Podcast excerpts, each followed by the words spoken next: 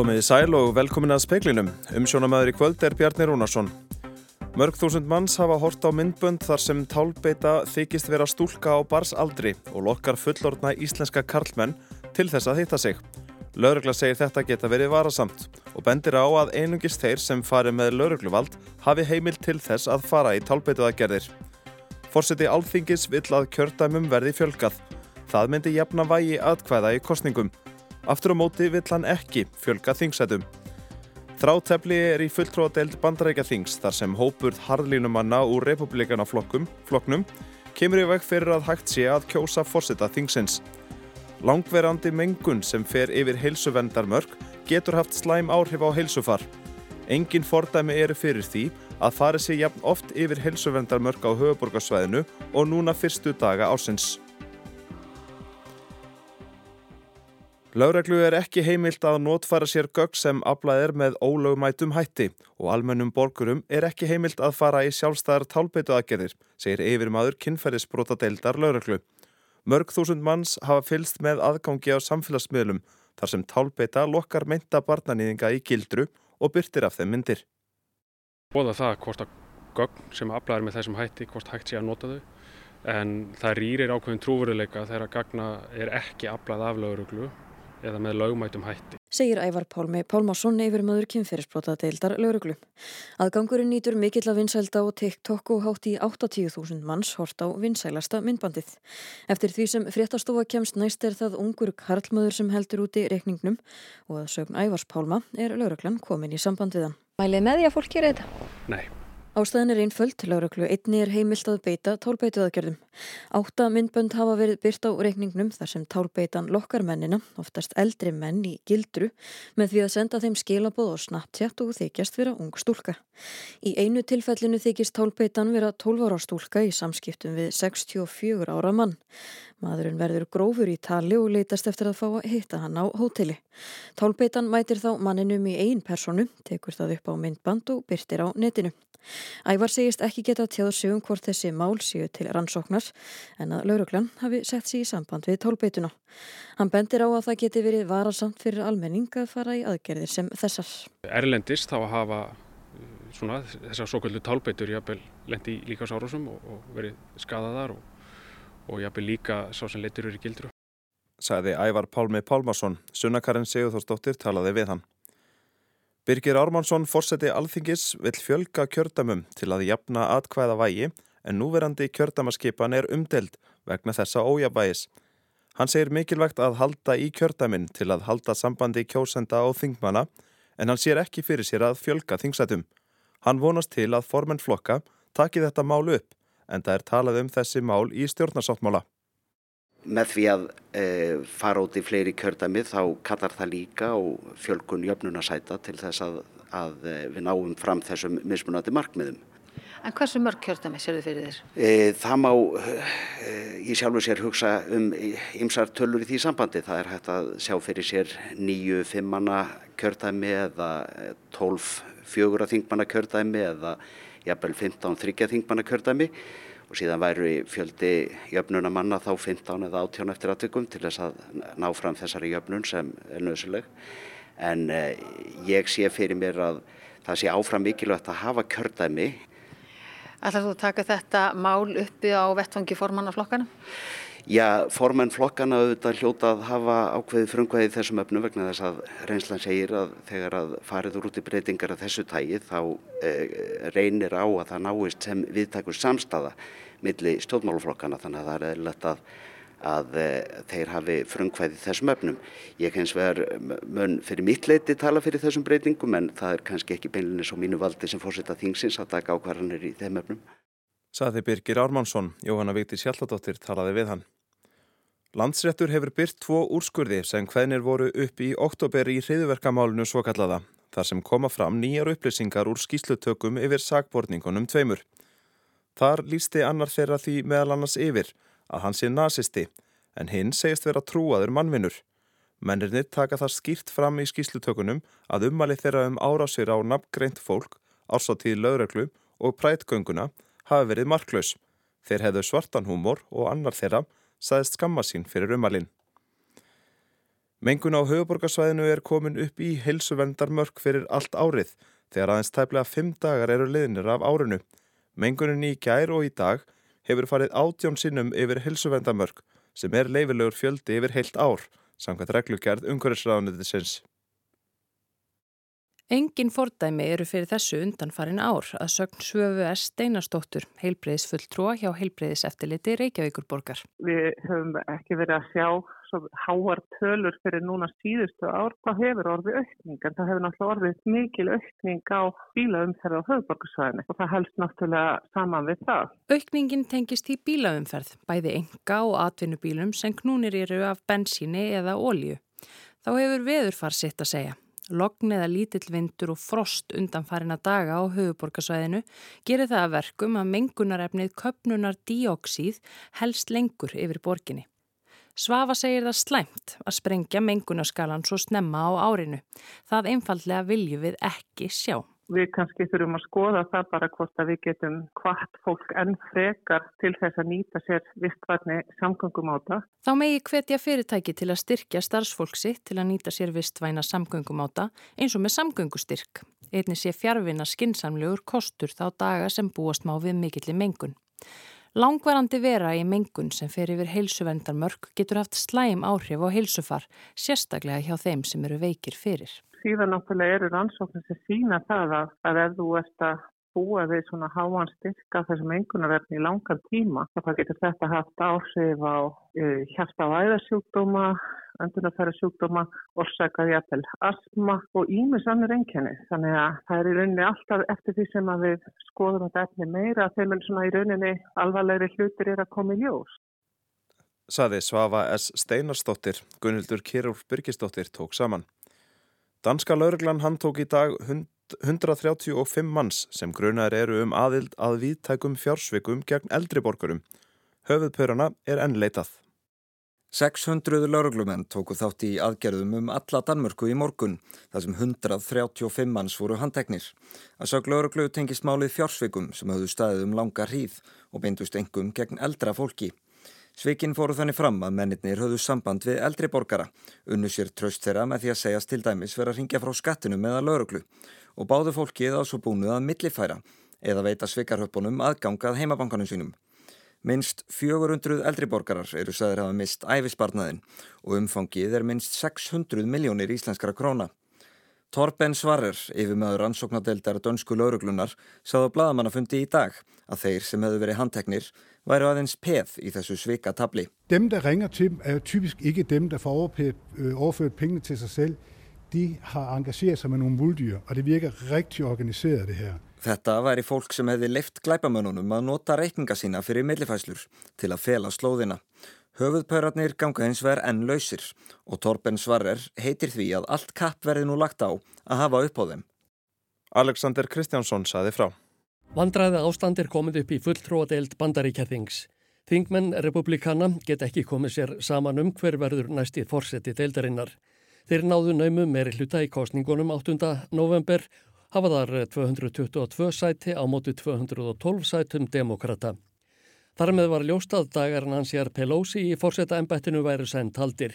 Hún gengdið við á árunum 2007 til 11 og tók við því að nýjum í janúar byrjun 2019. Frá þeim tíma hefur Robert McCarthy, þingmaður republikana frá Kaliforníu, verið leiðtói minnihlutans í fulltrúadeildinni. Ganga hefði mátt að því vísu að hann erði kjörinn fórsetið deildarinnar þegar þing kom saman að nýju á þriðju dag. Slikt hefur verið nánast formsadriði. Þá gerðist að að 20 þingmenn greittunum ekki atkvæði. Tvis var til við bótar var gengi til atkvæða á þriðu dag og þris var í gær en án árangurs. Í síðustu atkvæðagreðslu gerkvöldsins hafði einn republikani bæst í hóp þeirra sem koma í veg fyrir að McCarthy hljóti ennbættið. Hann þarf að tryggja sér 218 atkvæði sem sagt að meiri hluti þingmanna deildarinnar stiðjan en vantar 16 til 17 til að ná markmiðinu. Þessi staða hefur ekki komið upp á þinginu síðastliðin hundrað ár. Þrýst hefur verið á Kevin McCarthy að hætta við frambóð en hann er ákveðin í að ná markmiði sínu. Að sögn fjölmiðla Vestanhafs hefur hann stemt að því árum saman að verða fórseti fulltrúadeildarinnar. Því hafa samninga viðræður staðið yfir við uppreysnarmennina og verið fallist á ýmsar kröfur þeirra til breytinga. Óvist er þó að það skilji til ætluðum árangri. Mike Waltz, þingmaður frá Flórida, sagði í gerkvöld að staðan væri óþólandi. Þingmennirnir 20 væru í raun búinir að taka þingið í gíslingu.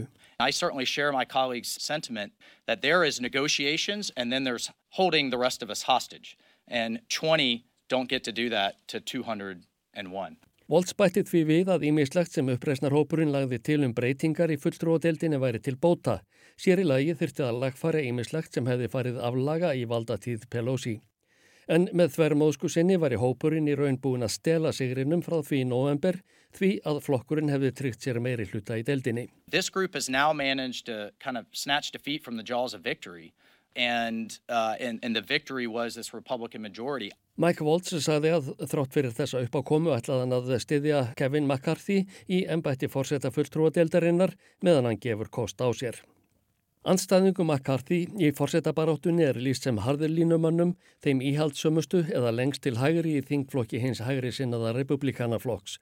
Þeir eru kallaðir Never Kevin eða aldrei Kevin. Á vef tímaritsins Economist segir að þeir hafi ekki neinn sérstök stefnumál. Þeir séu meira eins og óþekkir krakkar sem brjóta leikföng svo að hinnir krakkarnir get ekki leikið sér með þau. Áttir eftir John Boehner sem gengdi ennbætti fórsetta fulltrúadeildarinnar frá 2011 til 15 þegar republikanar voru þar í meiri hluta að aðal markmið harðlínumannana værið að valda glundróða. Í hvert sinn sem þeir greiða atkvæði gegn frumvarpi fáður bóðum að mæta í viðtal hjá Fox eða einhverji talmáls útvarpstöðinni sagði Boehner. Þessi siðblinda skapar vítarring og ástandið fer versnandi. Óskað var eftir viðbröðum frá Joe Biden bandarækja fórseta skömmu áður en hans steg upp í fórseta þótuna í gær og hjælt til Kentucky. Þetta er ekki mitt vandamál en eh, það er vandræðalegt hversu langan tíma það tekur þá að ná samkómulagi, sagði fórsetin. Embætti fórseta fulltrúadeildar bandarækja þings er eittið valdamesta í landinu. Samkvamt stjórnarskráni er hann næstur í röðinni á eftir vara fórseta landsins til að taka við stöðu bandaríkja fórseta ef hann fellur frá, segir af sér eða er leistur frá störfum. Ásker Tómasson tók saman.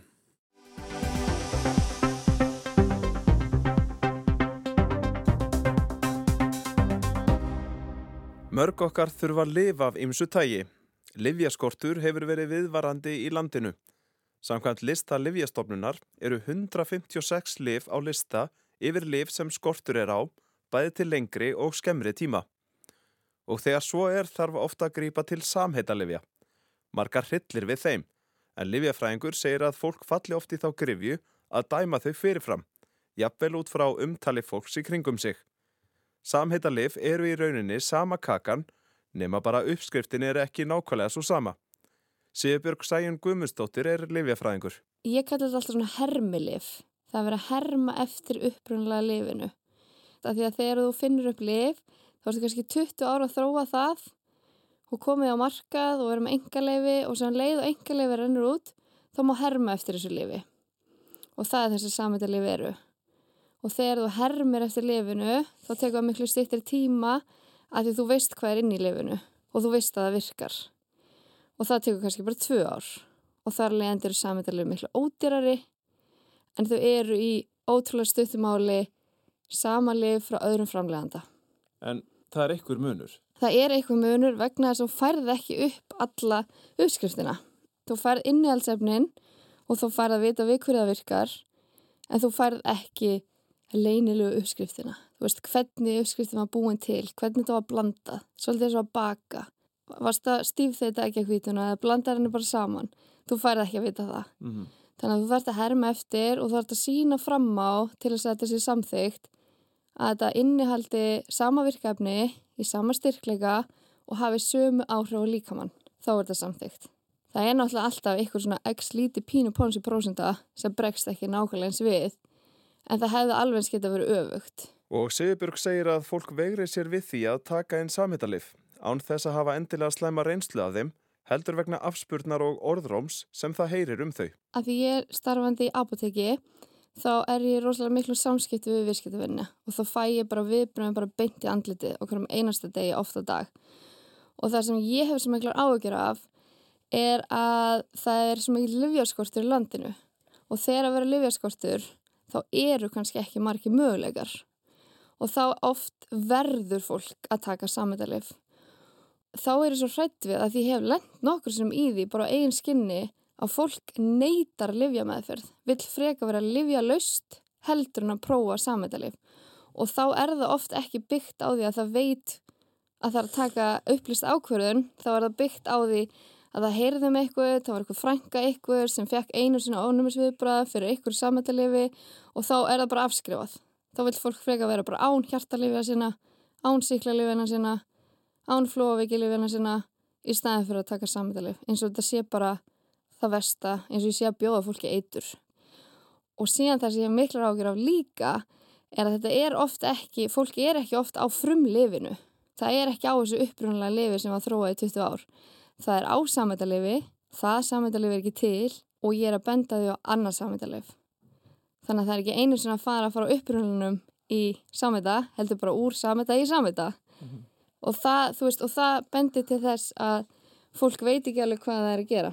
Maður veltiði fyrir sér með leifjamarkaðin svona bara utanfrá séð. Akkur er ekki bara að vera að framleiða eppli og eppli? Akkur er verið að framleiða eppli og næstu því eppli? Já, þetta er mjög góð punktur að þú ert í raun að segja þú veist þetta er náttúrulega sammetalið verið búin til til að lækka lifjakostna þú veist að því að um leið og þú er komið samkjæmni þá fyrir fólk að slást um verðið og þá lækkar verðið þú veist, bara svona frambúð eftirspurn. Um Þetta er bara markaslögmál Þetta er bara markaslögmál mm. Þetta er bara önnu lifja fyrirtæki að reyna að fá einn pening. Þú sjá eitthvað frumli bara sló algjörlega gegn. Bara gott dæmi er hérna síldinafíl eða viagra þú veist, það var upprænlega hjertalif og bara örfáður sjúklingar á því. Svo kom aukaverkun, hérna stinninga aukaverkun og þá fór hérna eitt liðafyrirtæki bara herði, ég ætla að reyna bara að þróa þetta lið fyrir stinningavandamálum og þetta var mjög gaggrind, þá var allir bara hlæjandi af þessu fyrirtæki, bara hvað haldið þið séu? Þetta var aldrei eftir að virka og svo bara slóði þetta algjörlega í gegn. Mm -hmm. og þá fóru fullt af fyrirtækjum að herma eftir bara því þau vildi græða. Mm -hmm. veist, þetta er bara alveg eins og þú ert að selja ykkur vöru ef eitthvað varastlæri gegn þá fyrir fólk að herma eftir að selja sambarlega vöru. Mm -hmm. bara nákvæmlega eins. Bara ef maður setur sér í, í sæti sjúklingsins uh, hvaða aðferð á maður að beita til þess að já, vita það fyrir víst hvort að samhættilega virkar fyrir mann eða ekki? Þá er eitt aðtriði að þú veist við lefafræðingar sem vinnum í ábútiki við náttúrulega erum búin að sökka okkur mjög djúft í allt tengt þessu. Mín ósk er að fólk getur bara að leita sér upplýsinga hjá lefafræðingum, þú veist við viljum fræða fólk og við viljum upplýsa fólk. Og þá getur fólk að minnst okkur fengi upplýsingar um af hverju það mögulega fekk slæm viðbröð af einu sammetallefi að því við getum bara fundið út því hvaða innihaldsefni eru til staðar og sé þá mögulega hvort að fólk sé með ánæmi fyrir einhverju efni eða þá bara hjálpa því að skilja þetta af því að þetta er kannski ekkit auðvelt að skilja. Þú veist ég ger mér alveg grein fyrir því. Hvað stjórnar viðhorið fólks til sammetallefa? Það er bara umtal. Og svo er þetta líka þannig að fræði stjettin er svo hrætt við að koma fram að þeir eru svo hrætt við að segja eitthvað vittlust og það var þessuna sem ég vildi og þrjum ekki komið viðtal og það mér fannst bara ok, nú eru við að klikka þú veist, það er einhver ekki að stíga fram og hjálpa fólki að skilja að því að við erum svo hrætt við að segja eitthvað í viðtali sem mögulega verður gaggrind, nú er einhver annar sem situr úti og gaggrindu mig fyrir að segja ekki alveg fullkomlega hár rétt, nákvæmlega rétt orðalag og þá situr almeiningur upp með það að skilji ekki út af hvað það gengur og tekur einhver ákvörn út frá einhverju frængur sem að mögulega fjekk einhverja aukaverkun af einhverju einu sammetalegu frá einhverju einu framleganda sem tengist bara ekki neitt stöðunum sem þau er í akkurat þá. Saði Sigurbjörg Sæjun Guðmundsdóttir.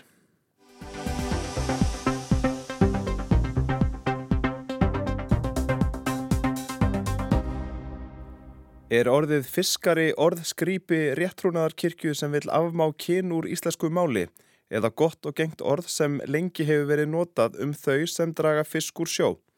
Síðustu daga hefur skapast umræða um þá breytingu í lögum að ekki er lengur talað um þá sjómenn sem stunda veiðar sem fiskimenn heldur sem fiskara. Nýlögum áhafnir skipa tóku gildum áramót og er þar á þremu stöðum talað um fiskara í stað fiskimanns Ólína Kjærúl Þorvaradóttir, fyrirverandi þingma samfylkingarinnar, sagðist ekki geta orða bundist í færslu á Facebook. Hún sagði að döðhreinsunastefni í máli væri bestafalli skeitingar og skilningsleysi við sögu, sköpun og tilfinningu en í verstafalli fjandskapur. Fiskari væri orðskripi í eirum nútímamannsins.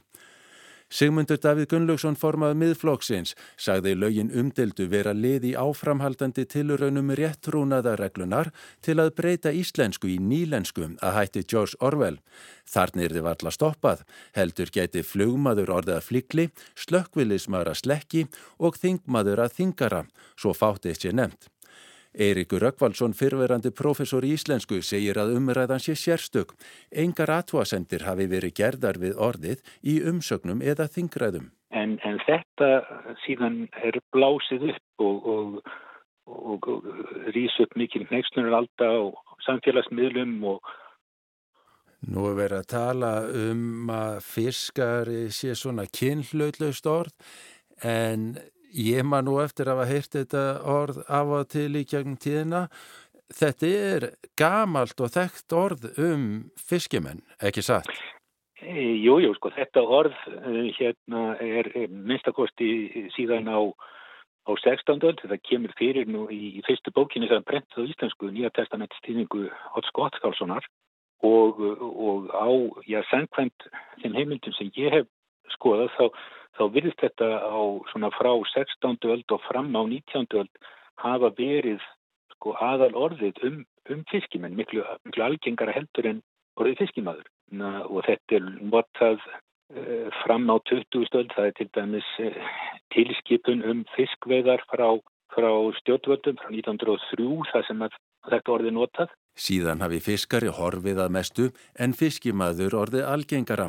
Lang ofta sé þó bara tala um sjómenn og ekki hrópla við því í lögunum. Og, og svo er náttúrulega rétt að hafa það í huga líka sem skiptir, skiptir máli að, að uh, þarna í lögunum þá uh, er þetta, þetta kemur fyrir í, í hverju lagagrein það sem eru orðskýningar, það eru verið að skýra fjöldan allar orðum sem eru notuð í lögunum. Og það er náttúrulega þannig í lögum að, að það skiptir máli að, að það sé skýrt hvaða merkingu orðin nota. Og þannig er það skýrt að fiskari það er, er eh, hérna, orð um fólk sem starfar á, á fiskiskipum.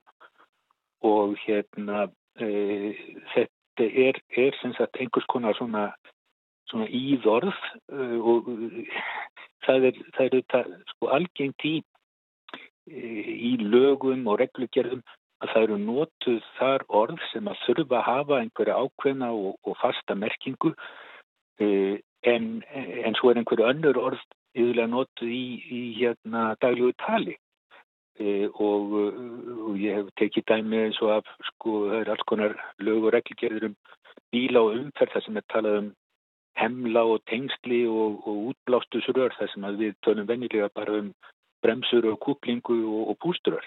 Að lokum á nefna að það er ekki aðeins fiskimenn sem tínast úr orðaforða lagana um áhafnir skipa.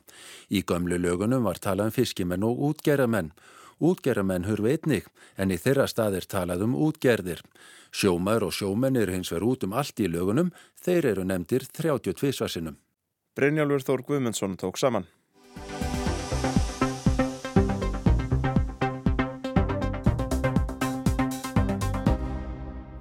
Dómarinn sakar eiginkonu sína um að vilja sér ílt. Hún eitrar reglulega fyrir honum, segir hann. Aðrir telja að dómarinn sé gengin af vitinu. En hvað á að gera við dómara sem haga sér undarlega? Engin hefur rétt til að segja dómara upp störfum. Þetta er mál málana í Noregi núna og varðar grundvallar atriði í stjórnskipun landsins. Aðskilnað dómsvalds og framkvæmdavalds. Gísli Kristjánsson segir nánar frá þessu sérkennilega máli. Hann hefur vaknað upp ítla til reyka niðri við óperuna og öðru sinni fundist meðvitundarlaus í útkverfi Óslóar. Eitthvað undarlegt er að gerast í lífi mannsins. Hann lýsir því sem hann detti úr sambandi og muni svo alls ekki hvað hefur gerst meðan þetta sambandsleysi varir. En hann er vissum eitt.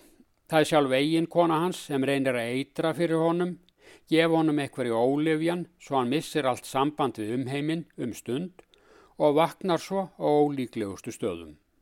Þetta væri sjálfu sér ekki fréttamál nefn af því að um er að ræða virðulegan dómara við hæstarétt Noregs. Meiri að segja dóm forsetta um tíma og að hann hefur sjálfur gert þessa raunir sínar í engalífinu að fréttamáli. Hann hefur ofinberlega sakað eiginkonu sína um að vilja sér ílt og að hún byrli honum eitur.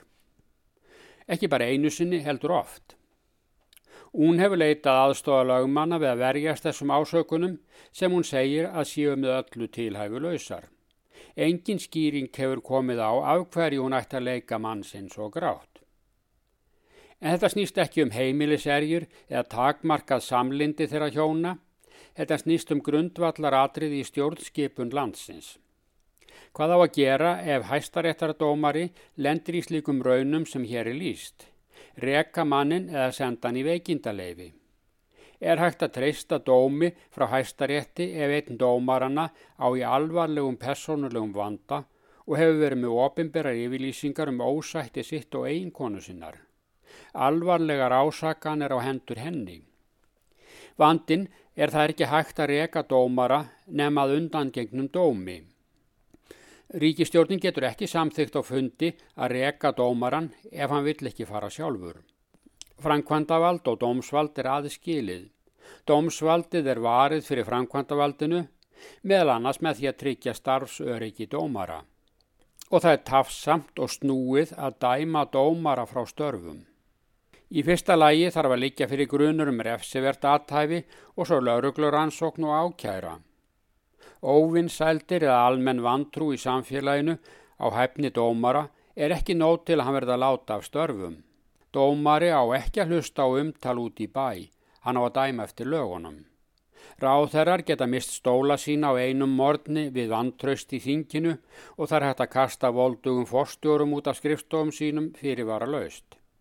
Leiðinleg fréttamál hafa oft kostað slíkt fólk vinnuna, en fréttaskrif eiga ekki að hafa áhrif á dómara.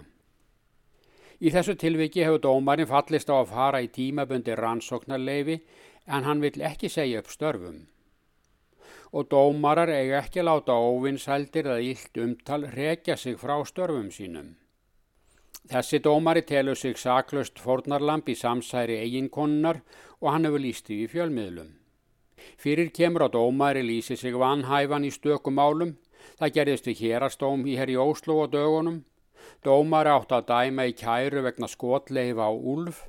Dómarin hafði verið í flokki græningja sem vilja friða úlfin. Eftir hávar mótmæli skotmanna á hvað dómarin að lýsa sig vanhæfan í þessu úlfamáli en bara því.